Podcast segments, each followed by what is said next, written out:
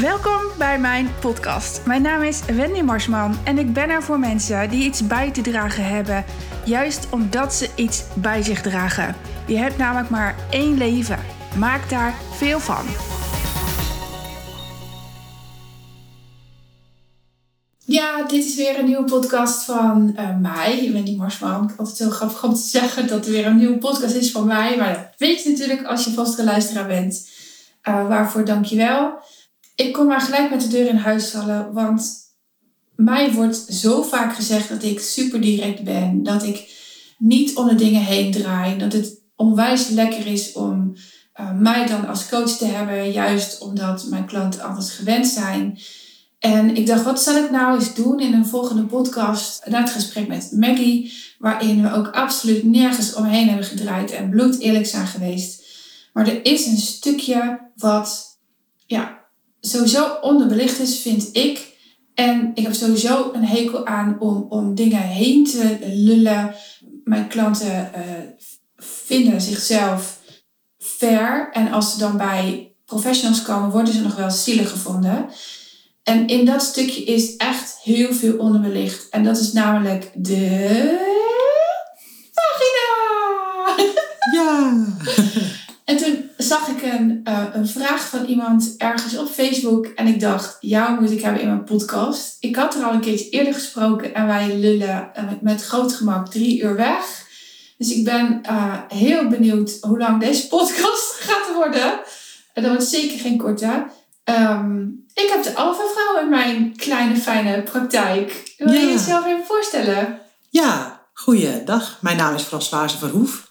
En uh, ik heb een boek geschreven, dat heet De Alpha Vrouw. En uh, daarin beschrijf ik eigenlijk mijn eigen zoektocht als een vrouw uh, die heel graag vrouwelijk wilde zijn. En wat ik ook zeker ben, maar waarvan ik dacht dat ik moest voldoen aan bepaalde kaders en op een bepaalde manier moest zijn. En dat was dan vooral bloemig en zwierig en, en bedeesd en rustig en niet te aanwezig. En Vooral niet te uitgesproken, dus eigenlijk een beetje wat je ook de te, de te veel vrouw zou kunnen noemen. En uh, dat heeft me heel lang dwars gezeten, uh, waardoor ik eigenlijk niet mezelf was. Totdat ik mezelf toe ging staan dat ik dat allemaal wel mocht zijn. Dus ja, dat is natuurlijk ook wel de, de, de energie waar wij samen op uh, resoneren. Abs ja, om, om echt volledig dat te claimen wie je bent en hoe je dat dan ook wil noemen. En uh, voor mij was dat uh, de alfa-vrouw, want ja, die is toch dominant en aanwezig en overheersend. En nou, dat is zeker niet, uiteindelijk ook zeker niet in mijn boek wat ik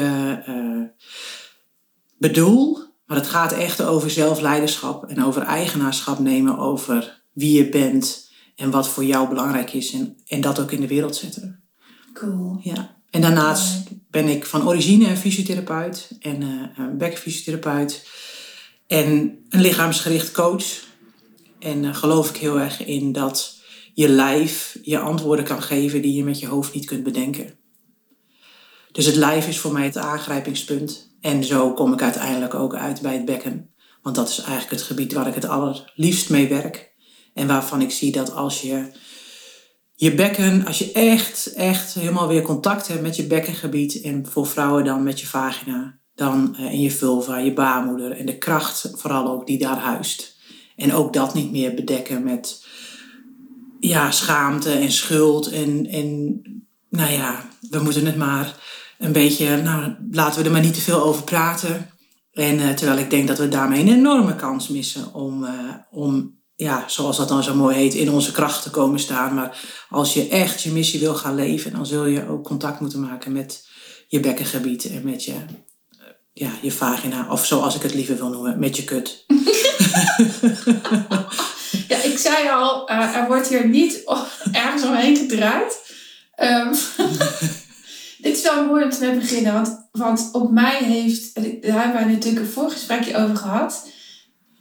De naam kut heeft op mij een negatieve lading. Ik, ik voed mijn jongens op en Wacht even, het zijn wel pubers, dus die hebben daar natuurlijk absoluut scheid aan. Maar ik wil wel dat ze het weten dat je het benoemt zoals het heet. En, en dat is gewoon vagina. In mijn beleving. Maar toen zei jij iets heel erg moois, hoe dat in het dikke van Dalen staat. Wat zei je toen? Nou, ik zei dat, dat kut uh, in, in, het, in de dikke vandalen staat als vrouwelijk geslachtsdeel. En dat daarna eigenlijk pas komt uh, dat het een negatieve lading heeft. En dat ik het eigenlijk onwijs zonde vind dat dus de benaming van ons vrouwelijk geslachtsdeel, of één van de benamingen, zo'n verschrikkelijk negatieve lading heeft gekregen. En, en um, dus ben ik misschien ook wel soort op een missie om, uh, om uh, die negativiteit eraf te halen. Terwijl ik aan de andere kant eigenlijk ook denk, ja, maar dan gaan we het weer mooi zitten maken. Terwijl er ook heel veel kracht zit. En, en dus ook onze boosheid en onze power. En op het moment dat ons onrecht wordt aangedaan, dan komt er een kracht, een innerlijke kracht. En die huist in mijn optiek toch echt ergens in je buikgebied. Dat je voelt dat daar een vuur aangaat waarvan je denkt, en nou zal ik daar toch. Uh, nou ja, als je kind iets wordt aangedaan of als je het gevoel hebt dat iemand je echt uh, in de zijk zit te zetten, dan komt daar een, een power uit dat bekkengebied waarvan ik denk, ja, laten we ook alsjeblieft niet net doen alsof het alleen maar zacht en liefdevol is, maar daar zit ook echt een enorme kracht. Ja, ben ik het helemaal mee eens. En, en ik kan het ook voelen. Als jij het er nu al over hebt, voel ik al dat, dat van onder naar boven een energie gaat stromen. Van heb ik jou daar, want je moet niet aan mijn kinderen komen, want dan word ik een pitbull. Ja. Ik heb daar overigens wel in moeten leren remmen is niet helemaal het goede woord. Doseren misschien. Ja, dat. Ja. Want zij kunnen heel veel dingen zelf oplossen. En ik wil ook absoluut niet zo'n moeder zijn die elke week op het schoolplein staat. Maar toen ze nog jonger waren uh, uh, en er hun echt onrecht aangedaan werd en ze toch dat, op dat punt kwamen dat ze het zelf niet meer op konden lossen. Nou, ik was niet de leukste moeder voor een leerkracht. beetje gênant wel. Maar de, de, ik, als jij het daarover hebt, dan voel ik die kracht weer uh, uh, opkomen. Um, maar hoe voed ik dat? Ja, voor mij is, is, begint die voeding dus met toestaan dat het daar niet alleen maar fijn is. Dat, dat je, zoals eigenlijk in alles, het is nooit of-of, het is altijd en-en. Dus als jij op zoek bent naar, ja, hoe, hoe kan ik dan weer in contact komen met dat bekkengebied? En hoe kan ik weer in contact komen met mijn vuur en met passie en, en, um, ja, eigenlijk, ja, en de kracht die daar huist? Dan begint dat natuurlijk ook met toestaan te voelen wat daar te voelen is. En eigenlijk zit daar dan ook al het woordje voelen in, wat heel vaak geblokkeerd wordt door allerlei ideeën die we erover hebben, over ja, hoe we in ons bekkengebied aan aanwezig moeten zijn. Of dat we dus daar inderdaad als. Uh, uh, ja, de, ons bekkengebied is natuurlijk ook een heel kwetsbaar gebied. En als we daar ergens in ons leven in een negatieve ervaring in hebben gehad, in seksueel opzicht, die als ik kijk naar de groepen die ik heb geleid en je vraagt aan vrouwen, heb je ooit ja gezegd terwijl je nee bedoelde? Heb je ooit iemand, heeft iemand je ooit gepenetreerd? Terwijl je er eigenlijk niet klaar voor was, dan zegt iedere vrouw eigenlijk altijd ja. Dus we hebben daar sowieso allemaal, ja, ook ongemakkelijke gevoelens mee gehad. En omdat we het zo taboe en schaamtevol hebben gemaakt, praten we er heel vaak niet over. Of is er een soort gevoel dat je daar niet over zou mogen zeuren. Of je zal het er wel naar gemaakt hebben. Of ja, misschien was ik ook wel te uitnodigend. Of misschien heb ik het verkeerde signaal gegeven. Dus ja, zoek het bij onszelf. Ja, we, we, we, internaliseren heel vaak uh, dat gevoel van ja, nou ja, ik zal het dan wel niet goed gedaan hebben. En dat is natuurlijk ook wel een beetje het stempel van de buitenwereld die dan zegt dat je, um, nou ja, dat er toch dan heerst, een vrouw zal het er wel naar gemaakt hebben. En sowieso is grenzen aangeven en grenzen, duidelijk grenzen neerzetten, is, is iets wat vrouwen over het algemeen wat lastiger vinden uh, dan mannen. Ik wil hier niet heel erg de vergelijking gaan maken tussen vrouwen en mannen. Maar het gaat me eigenlijk vooral om dat, dat we dat op de een of andere manier lastig vinden. Omdat we ons ook heel vaak kunnen verplaatsen in de gevoelens van een ander. En nou ja, goed. Dus denk ik dat het weer durven voelen in je bekkengebied allereerst begint met, ook met veiligheid. Met veiligheid om dat te kunnen voelen met dat het veilig genoeg is in je lichaam om dat wat er omhoog komt, om dat ook te kunnen ervaren. Dat het je niet overweldigt. eh, dat je niet weer in een, in een herbeleving komt van iets wat je hebt meegemaakt. Dus het begint altijd met veiligheid. Juist omdat ons bekkengebied zo kwetsbaar is. Of ja, kwetsbaar, gevoelig. Ehm, het, het, het is natuurlijk een, het is gewoon een hele belangrijke poort in ons, in ons leven. En niet alleen voor de geboorte van kinderen, maar ook voor creativiteit en voor alles wat in ons leeft. Geloof ik echt dat ons bekkengebied daar eh, ehm, de basis voor is. En hoe zit dat voor mij? Ik ben een vrouw zonder baarmoeder. Mhm. Ik geloof dat het een energetisch iets is. Dus het heeft niet te maken met of de, of, of de organen aan zich nog aanwezig zijn. Ik denk, als je gelooft in, in, in chakra's of in energiecentra, of in ieder geval het feit dat, dat we voor een deel ook uit energie bestaan, dan denk ik dat, zoals ze dat ook in, in sommige andere culturen de hara noemen, het centrum van, van creatie, dat dat niet weggaat of je baarmoeder er nou wel of niet is. Volgens mij is dat gewoon de plek waarop dat nou eenmaal in ons lichaam huist. En ehm, dus ik denk dat, dat die energie er nog steeds is, ook al is het fysieke aspect waar we dat dan aan linken en niet meer. De vraag is of dat dan überhaupt klopt, dat dat gelinkt wordt aan een baarmoeder. Ik denk, eh, als, ik, als ik nu terugkijk naar, naar mezelf. Ik had ongelooflijk veel last van mijn baarmoeder. Het was zo'n pijn, iedere maand weer. En dan die kloterige bloederigheid. Ja, ik zei al, ik heb er een hekel aan om de dingen niet te benoemen zoals ze zijn. Ehm, eh, eh, ik vond het lastig. En al die stukken die erin zaten. En, en dat ik dan... Ik, ik vind een witte broek vind ik heel mooi. Ik kan hem nu niet aan. We hebben een hond. En één, één stap de woonkamer in en het ding is alweer vuil. Maar toen kon ik hem niet aan. Omdat ik gewoon te veel bloed verloor. Ja. En, en dat keer op keer op keer. Dat ik... En pas sinds eh, mijn baarmoeder eruit is. Vroeger noemde ik het dat ding. Dat geeft al wel aan hoeveel afstand ik tot mezelf nam. Mhm. Door pijn. Eh, sinds mijn baarmoeder eruit is, eh, straal ik weer. Is er weer energie. Is er weer leven. Ja. Voor die tijd echt niet hoor. Ik was kapot. Ja. Ik was echt kapot. Dus ik vind het wel mooi dat jij het zegt. Dat, het, dat jij denkt dat het om energie gaat. Ik denk dat ik daarin mee kan gaan. Nou ja, dat is in ieder geval ook wat ik zie bij de vrouwen die, die ik behandel eh, of die ik begeleid. Dat, dat dat niet uitmaakt. En dat dat ook wel eh, in best wel veel theorieën terugkomt. En, en manieren van kijken naar ons lichaam. En, en kijken naar manieren waarop dingen met elkaar verbonden zijn. Dat, dat het uiteindelijk een, een hele duidelijke energetische plek is. En dat ik me kan voorstellen dat als in jouw geval dat dus heel eh, ehm, nou ja, verstopt zit. Of dat, dat, dat, dat, dat, daar iets, dat daar een proces aanwezig is die eigenlijk die energie verstoort of vastzet of blokkeert. Ja, dat juist het, het weghalen daarvan eh, ruimte geeft om die creatiekracht wel weer te kunnen laten Ik vond stromen. het goddelijk. Ik was echt blij dat die weg was. Ja. Gewoon niet meer... Ik hoefde me ook letterlijk niet meer aan te passen aan het ritme van die baarmoeder. Nee. Ik kon voluit Ja. Mijn leven leven. Dus elke weekend, als ik had gewild, had ik elk weekend kunnen stappen, zeg maar. Elk weekend uit eten. Nou zit ik niet zo in elkaar, maar dat had gekund. Oh, zo fijn, zo fijn. Ja. Ehm, hoe lang duurt het voordat een vrouw bij jou terecht durft? Ja, daar gaat vaak wel enige tijd overheen.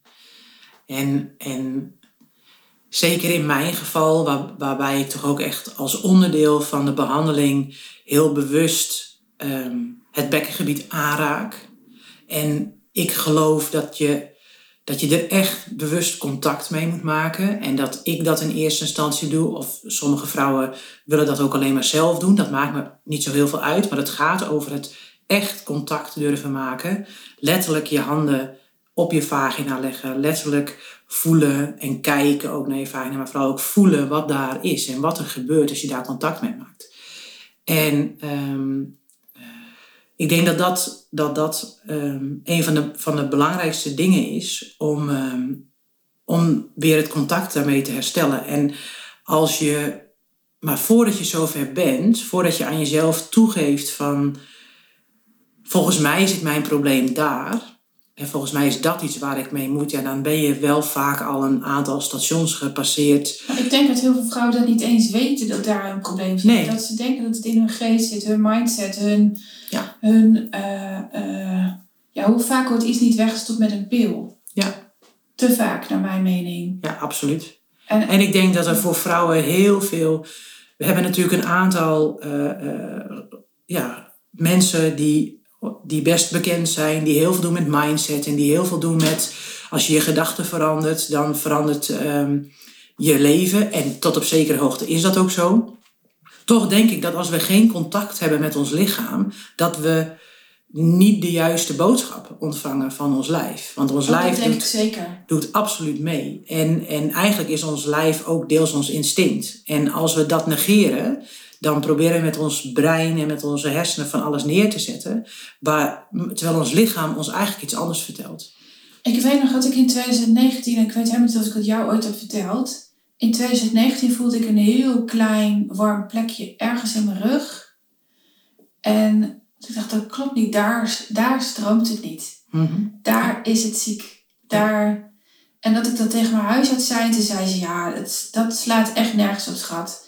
Ik weet hoe goed jij bent, ik weet hoe goed jij in je lijf, maar als je het zo ver kan, dan, nee, dat geloof ik niet. En, en, zes weken later zat ik bij haar en toen had ik al een keer contact gehad met de assistent. Dan zei ik, ja, dit, dit klopt niet. Ehm, ik heb zo'n pijn aan dit stuk, ik moet doorgestuurd worden.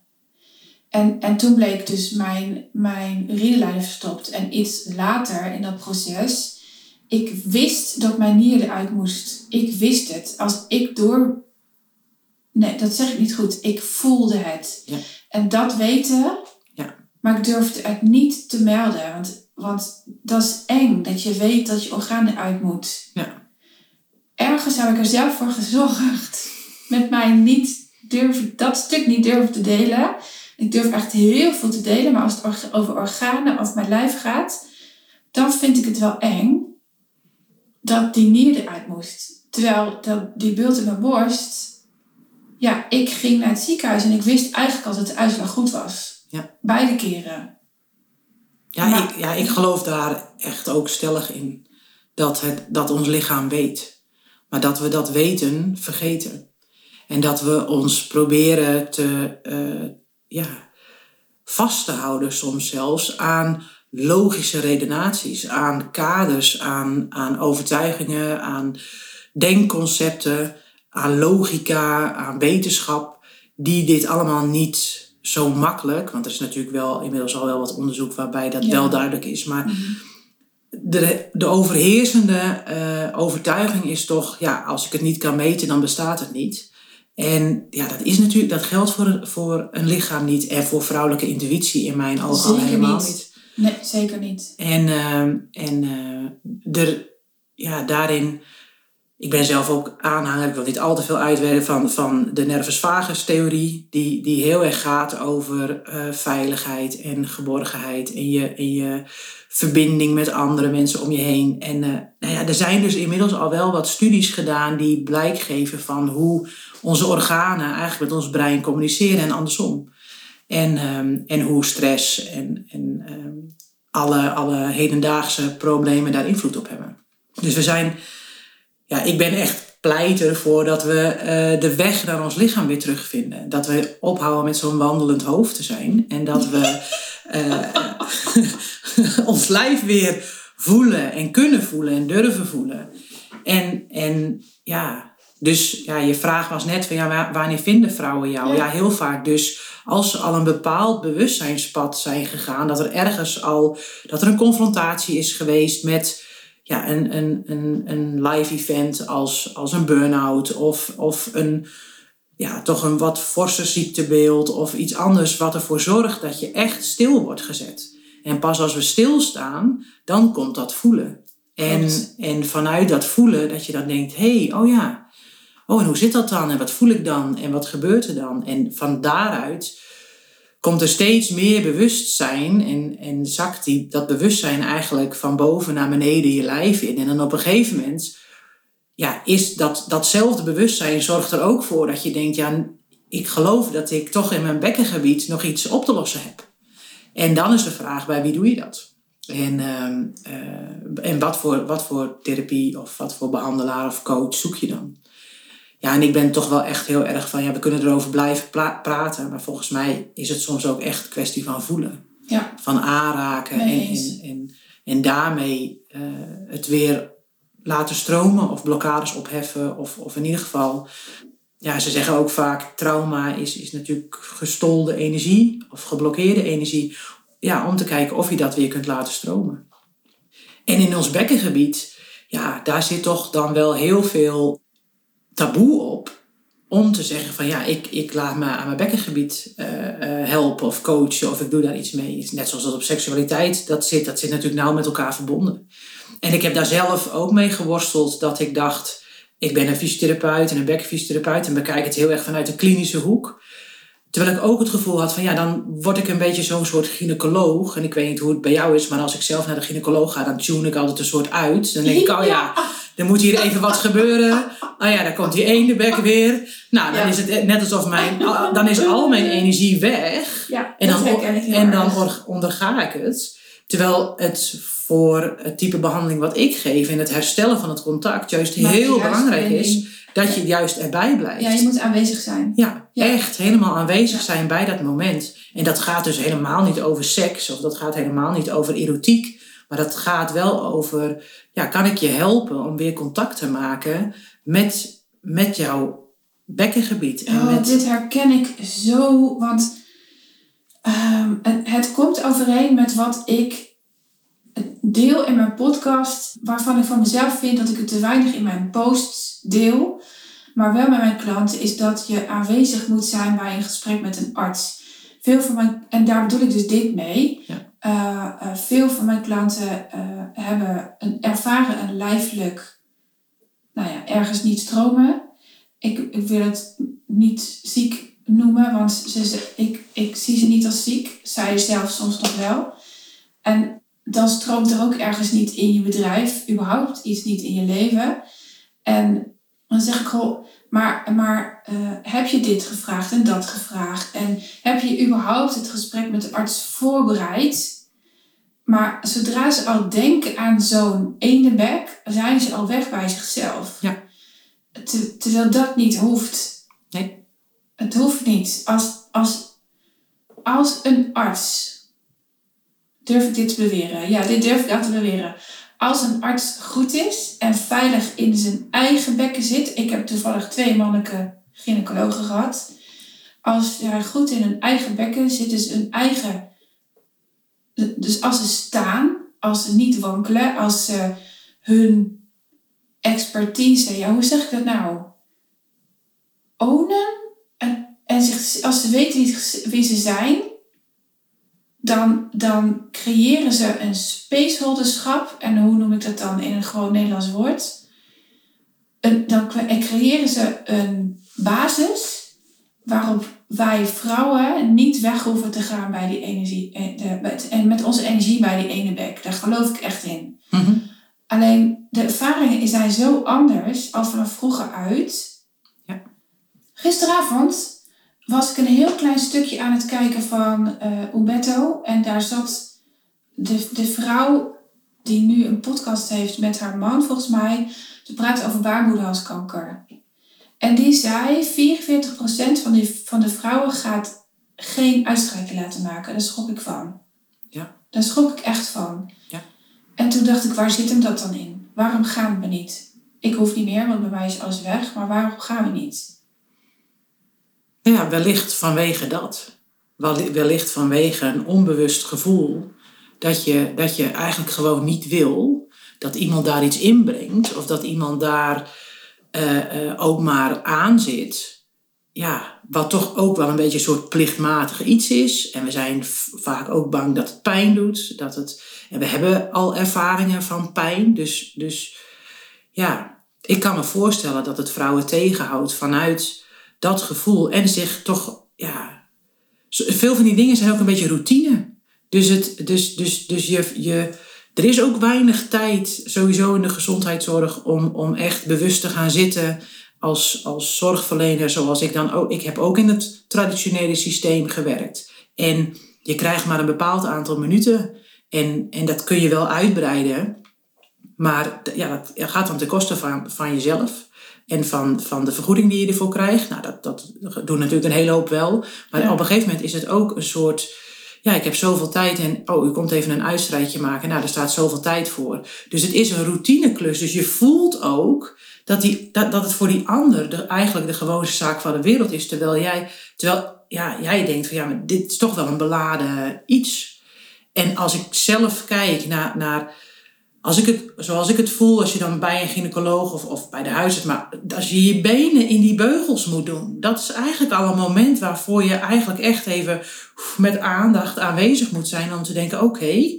Kun je je voorstellen hoe ik bij die uroloog lag? Het, het is hilarisch. Oké, ik vertel weer iets. Ja.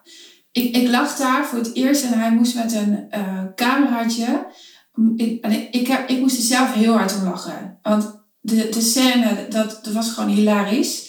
Hij moest met een cameraatje mijn um, blaas en mijn urineleider in kaart gaan brengen.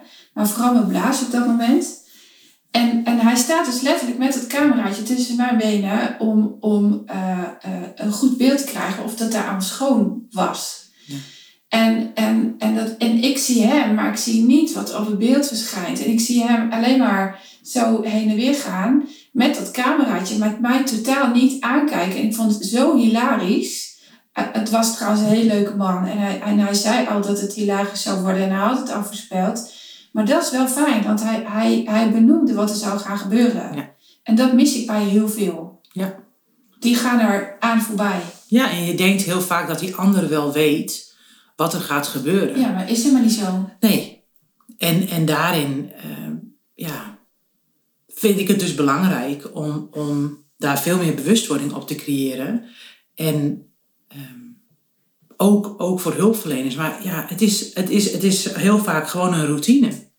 Ja, het is, en, en dat is, volgens mij is dat, ik denk dat het gros van de, van, van de zorgverleners dat echt doet vanuit, vanuit een, een, een motivatie die te maken heeft met missie en met, met dat je dit heel erg graag wil doen. En dat het, dus het, het is geen onwil. Alleen je, je raakt ook van sommige dingen, uh, ja, die worden gewoonte. Ben je een soort afgestompt? Ben je een soort. Je, je beseft je niet meer hoe het was om de allereerste keer zo'n onderzoek te doen bij een vrouw en hoe zenuwachtig je was. En hè, als, als zorgverlener heb ik het dan over. En dat, dat het allemaal heel bijzonder en dat je, dat je oh hemel, en nu ga ik dit en dat en dan ga ik eraan zitten en noem maar op. En als je uh, duizend vrouwen hebt gezien, dan, ja, dan zijn het routinematige handelingen geworden waar je eigenlijk helemaal niet meer bij nadenkt. En, en dat stukje bewustzijn is denk ik voor heling heel erg belangrijk. Dus als je gaat voor heling dan denk, naar, naar een therapeut of naar iemand, denk ik dat het heel erg belangrijk is van ja, is er ook voldoende ruimte en tijd voor mij om aanwezig te blijven? En heeft iemand aandacht voor, hé, hey, wat zie ik nu gebeuren bij je? Ben je nog, ben je al, volgens mij ben je uitgetuned of ben je er nog, ben je er nog bij? En nou, wat heb je nu nodig om aan, wat komt erop? Wat heb je nu nodig om aanwezig te blijven? En um, um, voor mij is dat een manier om, om het ook heel veilig te, te laten zijn. En eigenlijk nooit te denken van, oh, nu ga ik dit of dat doen. Nee, echt in, in samenspraak met wat er op dat moment gebeurt. Dit is de reden waarom ik soms, als ik live train, en dat heb ik al tijd niet gedaan, maar als ik live train en ik zie mensen uh, weggaan, een beetje knikken of heel veel gapen. En gapen is niet per se een teken van moeheid, maar ook verwerking als ik iemand zie of hoor dat die zich laat intimideren door degene naast die persoon, dan wissel ik ze altijd van plek. Ja. Dat doet bijna niemand, maar ik hou er echt van. Ja. Want het zorgt punt 1 voor verwarring, heel vaak ook voor opluchting en je kunt beter naar de situatie kijken. Ja.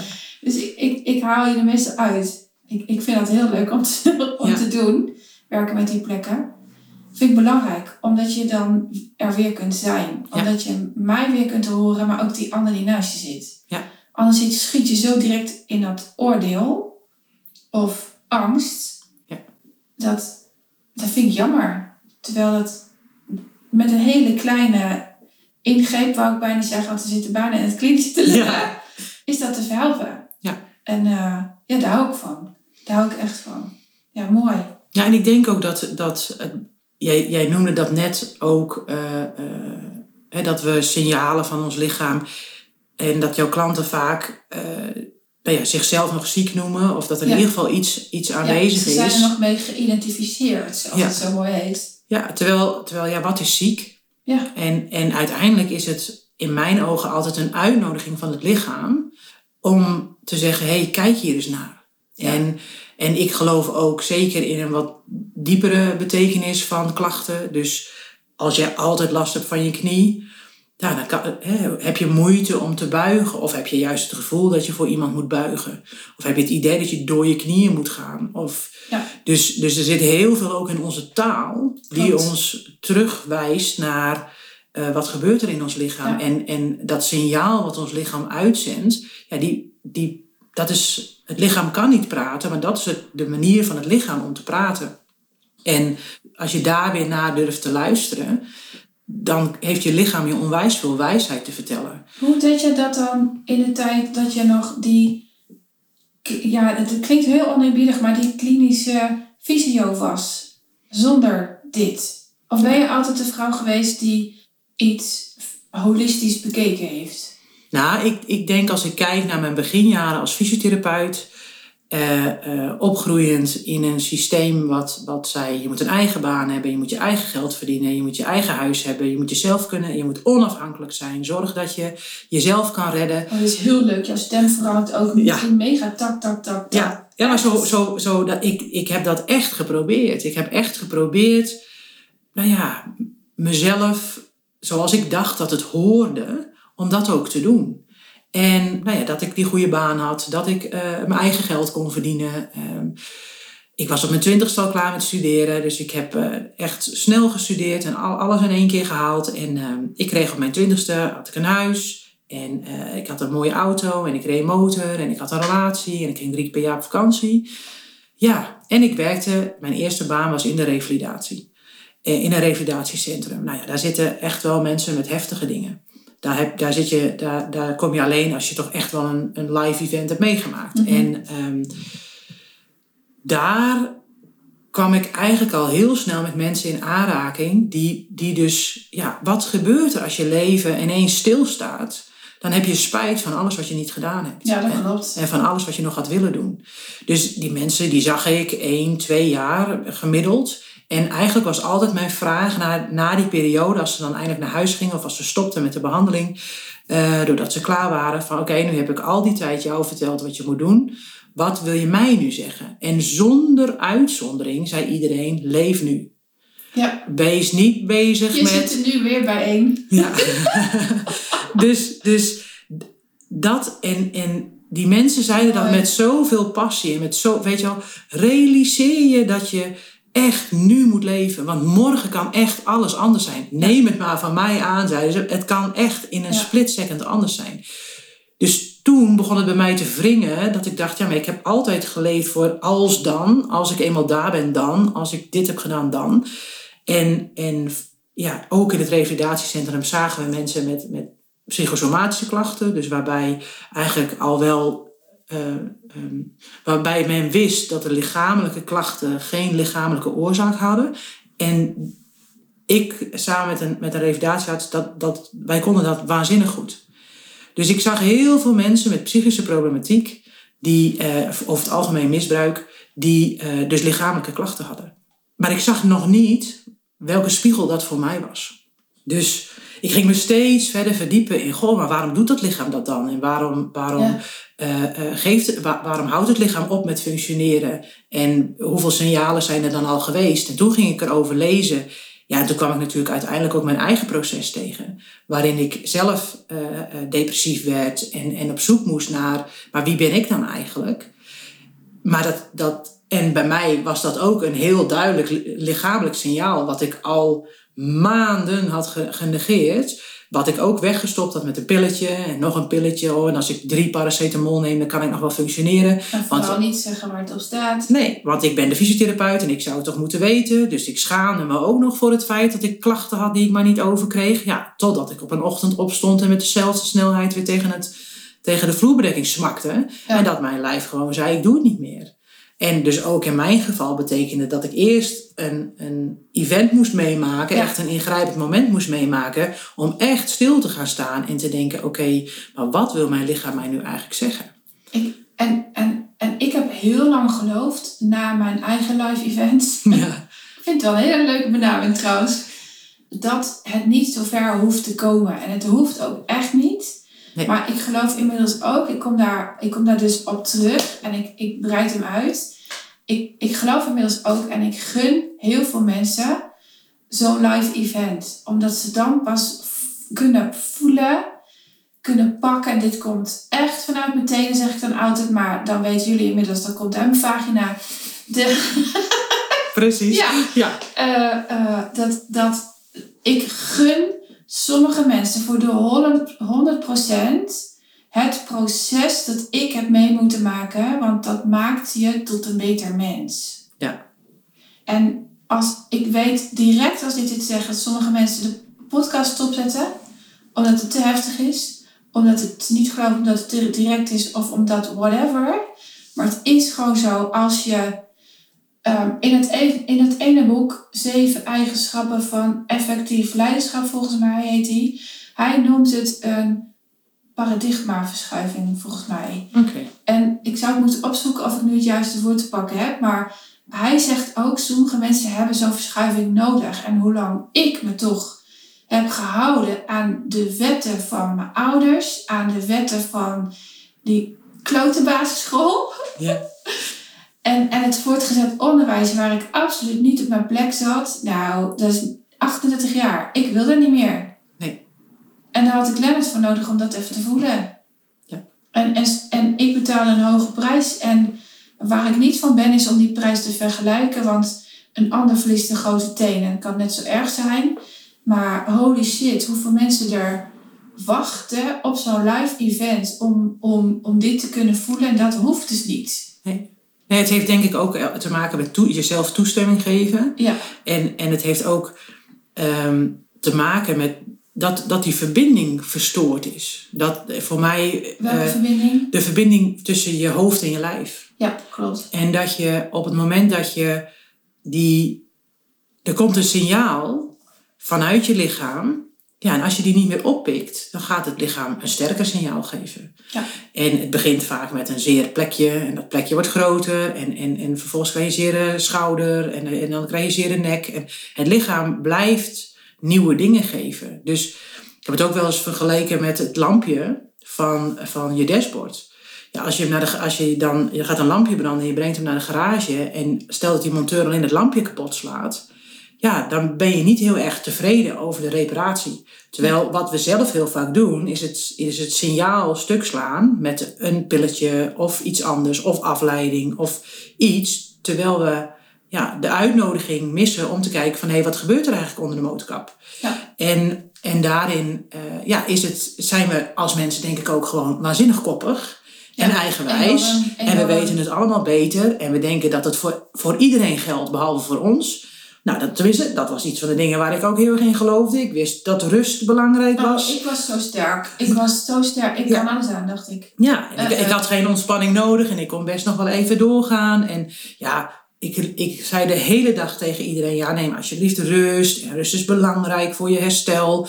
Maar voor mij, voor mij gold dat niet. Kijk, want ik, voor mij was dat anders. Dus, dus Oh, heerlijk dit. Dus daarin liet ik, ja, liet ik kans na kans voorbij gaan. Eh, eh, nou ja, om welke reden dan ook. En als ik nu terugkijk, denk ik dat dat echt te maken had met dat ik niet wilde falen. Dat ik graag perfect wilde zijn. Ik ook. Dat ik zo. heel graag wilde dat mijn ouders trots op me zouden zijn. Dat ik toch Vooral die. ja, Vooral absoluut. Want, want ik wilde heel graag voldoen aan hun eisen. En ik wist al mijn hele leven dat ik dat niet deed zo op de manier zoals zij dat graag... Ik, nou laat ik zeggen, dat ik niet wist of dat ik dacht dat, dat ik dat niet deed op de manier zoals zij dat graag wilden. Ja. Dus ik had zo'n beeld gecreëerd van wie ik moest zijn. En alles wat ook maar enigszins, ja, eh, ervoor leek te zorgen dat ik niet aan dat beeld kon voldoen, dat probeerde ik weg te moffelen. Totdat het zover was dat ik dat nergens meer kon, Ja. kon, ver- kon verbergen. Ja, oh, heerlijk dit. En, eh, en, eh, en daarin denk ik dat ons lichaam ons echt keer op keer uitnodigt. Welke signalen heb jij gemist? Nou, bij mij was het, was het belangrijkste signaal rugklachten. En, en het begon met een beetje pijn in mijn rug. En, en ik had een wat ontstoken duim. En, uh, dus, dus ik kreeg...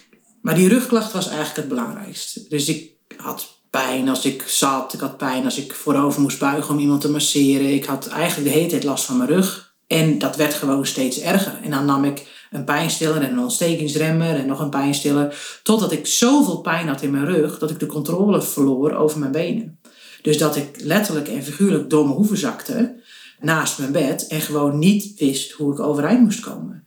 En als ik nu kijk naar de symboliek van klachten, dan staan, staan rugklachten voor de basis in je leven. Je, je, je financiële basis, maar ook je basis met je familie.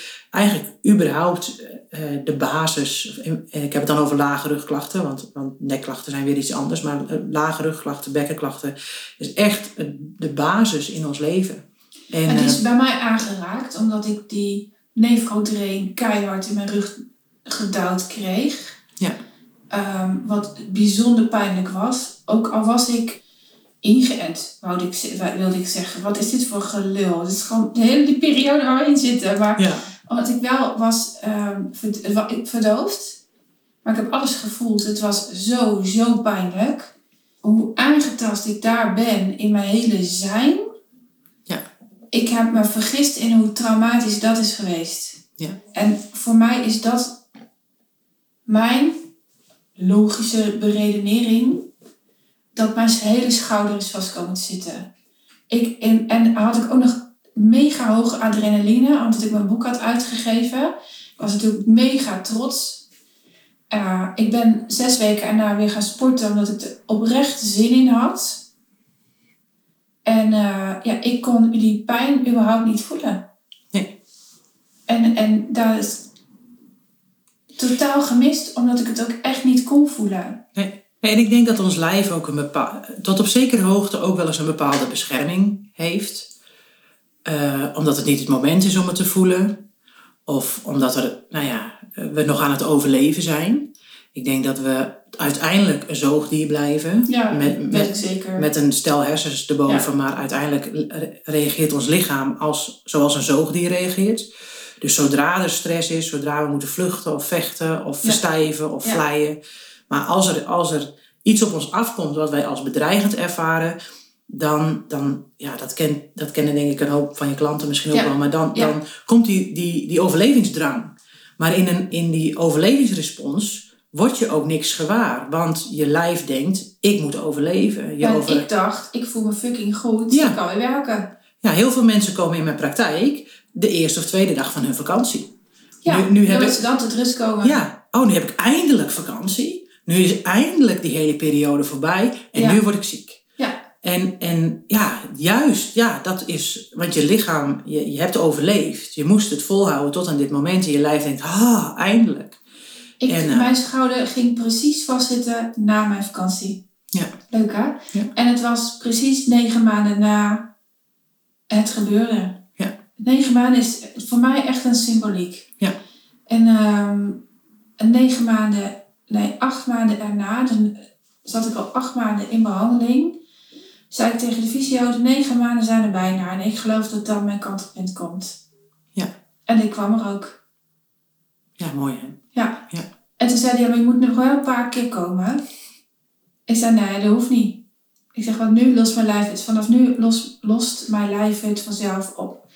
Het was een steengoede fysiotherapeut. Ik ben inderdaad nog wel een paar keer teruggekomen. Maar ja, de behandelingen waren eigenlijk meer leuk dan... Ja, dan nog noodzakelijk. Ja. Ja. En nu, eh, eh, hij is niet helemaal los nog. Maar ik weet dat het gaat komen. Ik, Ja. ik leef nu al bijna twee weken pijnloos. En eh, eh, mega fantastisch. Ja. En nu moet ik dus opletten Dat je niet te veel doet. dat ik Ja. niet vier keer in de week ga sporten. Ja. Dus ik sport even helemaal niet. Ik heb mezelf die rust gegund. Maar ik vind het zo belangrijk dat als je deze podcast luistert, dat je jezelf rust gunt. Ja. En het, is, het klinkt hartstikke ouderwets, rust, reinheid en, reg- en regelmaat. Maar ik loop niet voor niks iedere dag minstens, minstens een uur buiten. En, en, en eigenlijk heb ik meer nodig. Ja. Ik ben niet voor niks elke dag een uur ergens alleen. En of dat nou in mijn praktijk is, Of in huis dat ik een uur boven op mijn bed zit. Of ik ben alleen. Ja. En daar communiceer ik ook over. Laat mij nu even met rust. Om acht uur ben ik weer terug. Whatever de tijd dan ook is. Maar ik communiceer daar ook over. Ik moet die ontlading hebben. Ja. Als ik nu onze podcast zou beëindigen en ik zou naar binnen lopen. Ik zag mijn man net de achterdeur dicht doen, want het regent. En hij zou mij overladen met hoe zijn werkdag is. Daar word ik echt stikzagrijnig van. Want ik kan niet ontladen. Nee. Ik heb dat nodig. Ja, ik denk dat dat voor iedereen geldt. En, en als ik er dan een, een wat eh, eh, fysiotherapeutische zienswijze op mag, mag eh, gooien, is eigenlijk ook. Zo zit ons zenuwsysteem ook in elkaar. Dus je hebt eigenlijk een gaspedaal en je hebt een rem. En, en als je het gaspedaal maar blijft indrukken en nooit remt, ja, dan, raakt, dan raakt je systeem overbelast. Dus hoe, hoe eerder je jezelf gunt om even die rem in te trappen, hoe sneller je systeem kan ontladen en hoe sneller je dus ook weer kunt gas geven. Maar we leven in een maatschappij die eigenlijk van je vraagt dat je de hele dag gas geeft. En eigenlijk s'avonds ook nog. Dus we, we staan maar op dat gas. En, en we remmen heel weinig. Want ja, ik weet niet of dat voor jou ook geldt. Maar ik ben ook heel erg opgevoed met eh, rust, roest en Ja. Ja, eh, luiheid en noem maar op. En als je niks doet, doe dat... maar je best, dan doe, je, dan doe je goed genoeg. Maar wat is dan je best doen? Dus ik ging in die over Ja. drives, als een klant van mij dat zo mooi noemt. Ja, daar waak ik echt voor. Ja, en daarin denk ik echt dat, dat je precies wat je zegt, dat rust is echt een van de allereerste dingen om überhaupt te kunnen herstellen. En zeker als je druk bent. Ja. Daar, daar is toch zo'n mooi spreekwoord voor. Als je druk hebt, wandel dan juist een uur of zo. Dat is het spreekwoord niet. Maar neem dan juist eh, je momenten. Er, er is iemand die met mij wil sparren. En ze wil dat graag dan op maandagavond doen. Of woensdagavond, whatever. En zei, dat, dat begin ik dus echt niet aan. Nee, Eh, de sparsessie is niet voor mij. Hij is voor jou. En voor mij heb ik rust op, op de avonden. En er komt echt wel eens een keertje een blog uit. Of er komt echt wel eens een keer een post uit. Maar die voel ik dan dat die dan online moet. Ehm, maar s'avonds werk is voor mij een no-go. En dat wil helemaal niet zeggen dat ik in de toekomst geen masterclass s'avonds geef. Maar ik, nee, ik ga niet meer s'avonds coachen. Ik, ik ga...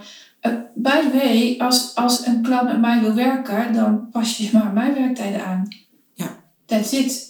En eh, eh, niet meer s'avonds. nee en uiteindelijk heb je gewoon eerst goed voor jezelf te zorgen. Exact dat. Want anders heb je ook niks om vanuit te geven. Nee. En, en, ja, daarin, en daarin denk ik dan dus uiteindelijk dat die basis in je lijf, op het moment dat je echt weer helemaal contact hebt met jezelf en, en vooral dus in dat bekkengebied.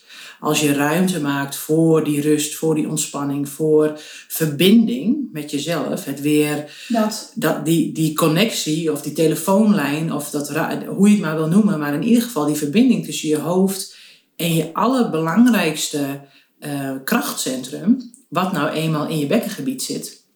Als je die connectie weer maakt, dan kun je vaak ook veel beter voelen, dit wel en dit niet. Ik moet altijd lachen.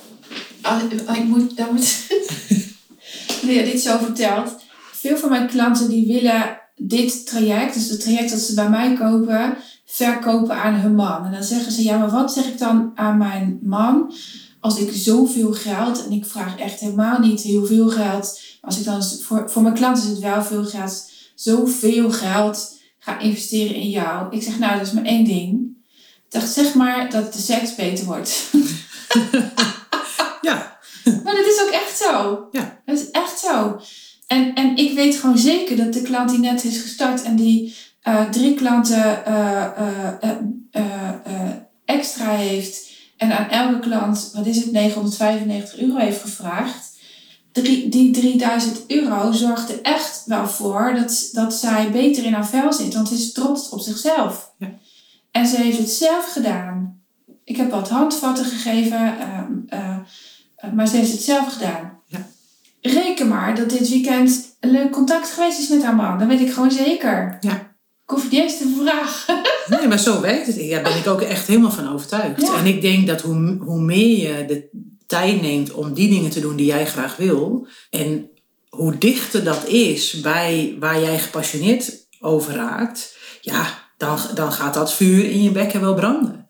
En, en, en dat heeft absoluut een effect ook op je seksualiteit en ook op, op de relaties die je hebt. Niet alleen seksueel, maar gewoon sowieso. Op het moment dat jij meer je, je zelfvertrouwen groeit, je meer mhm. power voelt, je, je meer het idee hebt, ook van voldoening. Want, want we voelen ons vaak leeg, of we hebben het idee dat het, wat heeft het voor zin en het voegt eigenlijk niks toe en ik heb wel dat resultaat, maar eigenlijk voelt het niet bevredigend of voelt het niet als iets goeds, maar ik voel nog steeds die leegte of die, nou ja, dat het niet vervullend is geweest. Ja, dat, dat, dat komt omdat, het, omdat, die, omdat die verbinding er niet is. Omdat je niet met die bron verbonden bent die in je bekken zit. En op het moment dat het vanuit dat vuur in dat bekken komt, ja, dan, dan is daar een verbinding. En dan, ja, dan voelt alles ook als bekrachtigend en als... Ik heb dat heel snel op de dansvloer. Ja, nou, dat is de, een van de beste manieren om, om je te verbinden met je bekken. Ja, maar, maar, als, ik daar dan, als ik daar dan sta... Uh, afgelopen donderdagavond was twee jaar geleden dat ik de meest verschrikkelijke nacht ooit heb ervaren. Omdat ik toen bijna dood ging. En ik had een wijntje op en, en ik zei tegen mijn man, ik wil zo graag even dansen. Zet even muziek op. En ik was niet dronken of zo, toen nog niet. Maar uh, ik had daarna, daarna wel een kaart. En dat is echt volgens mij wel acht jaar geleden of zo dat ik een kaart had. Maar ik zet, zet even muziek op, ik ga, ik ga dansen. En toen, en toen zeiden je, als je dus dit op de dansvloer doet, dat is de reden waarom ik jou moet beschermen dan. Omdat anders al die mannen aan je gaan zitten. Ik vraag hem dus ook, ja, had het net over die veel vrouw als ik op die dansvloer sta en volledig mezelf ben, en daar heb ik echt geen wijn voor nodig. Ik kan de hele avond op zo'n foute party zijn alleen maar water zuipen. Mhm. Maar als moment één, als de muziek aangaat, dan, dan, dan gaat er iets in mij los of zo. En dan, dan, dan moet ik, dan wil ik, niet moet, maar dan wil ik bij mijn eigen man in de buurt blijven. Want ik weet dat ik dan aantrekkingskracht heb op heel veel mensen. En, maar ik wil niet die heel veel mensen in mijn buurt. Nee. Ik wil daar bewust in kiezen. En, en, en dat vind ik dus lastig. Ja, je raakt daarmee natuurlijk een punt waarvan ik ook echt denk van ja, ik, vind het, dan komen we op een veel groter thema. Maar op het moment dat wij, dat is precies waarom we het klein maken. Als je dan echt helemaal in die vrouwenkracht komt en in die, in die bekkenkracht en dat, ja, vervolgens dat naar buiten brengen. En zeker op het moment dat je dat doet vanuit dans. En, en als wij vrouwen dansen, dan, dan dansen we toch vaak sensueel. We maken vaak ronde bewegingen. Het zijn vaak heupbewegingen. Het, het komt vanuit ons bekken. Daar zit, daar zit ons, ja, onze swing, onze dans, onze dansmoves zitten daar. Mannen dansen veel houteriger en veel stijver. Sorry mannen, zal nu niet te kort doen. Maar als je vrouwen met elkaar laat dansen, ook in de, in de vrouwengroepen die ik heb begeleid. Je ziet dat wij als vrouwen als vanzelf uh, in een soort ronde, achtvormige beweging komen met ons bekken. En ja, dat straalt een bepaalde sensualiteit uit. Maar helaas ja, wordt daar dan heel vaak iets van gemaakt wat het niet is. Dus maken we het weer kleiner. En en ja, dat is een heel ander. Daar kunnen we nog wel een podcast over opnemen. maar, maar dan kunnen we wat doen, want dan laten we deze door tweeën opdelen. Ja, is goed. Je nog tijd? ja hoor. Um, maar moeten we wel even deze afronden, want waar kunnen mensen jou vinden? Uh, mensen kunnen mij uh, vinden op uh, www.kutkracht.nl. En op Instagram sta ik onder de Alpha Vrouw op dit moment nog. Dus ik denk dat je me daar, als je me wil volgen, en mijn uh, Facebooknaam is uh, Françoise Verhoef, gewoon mijn eigen naam. Dus ik, uh, maar de Alpha Vrouw is eigenlijk het, het account waar ik het meeste mee doe. En, en mijn website, daar kun je zien wat ik aanbied.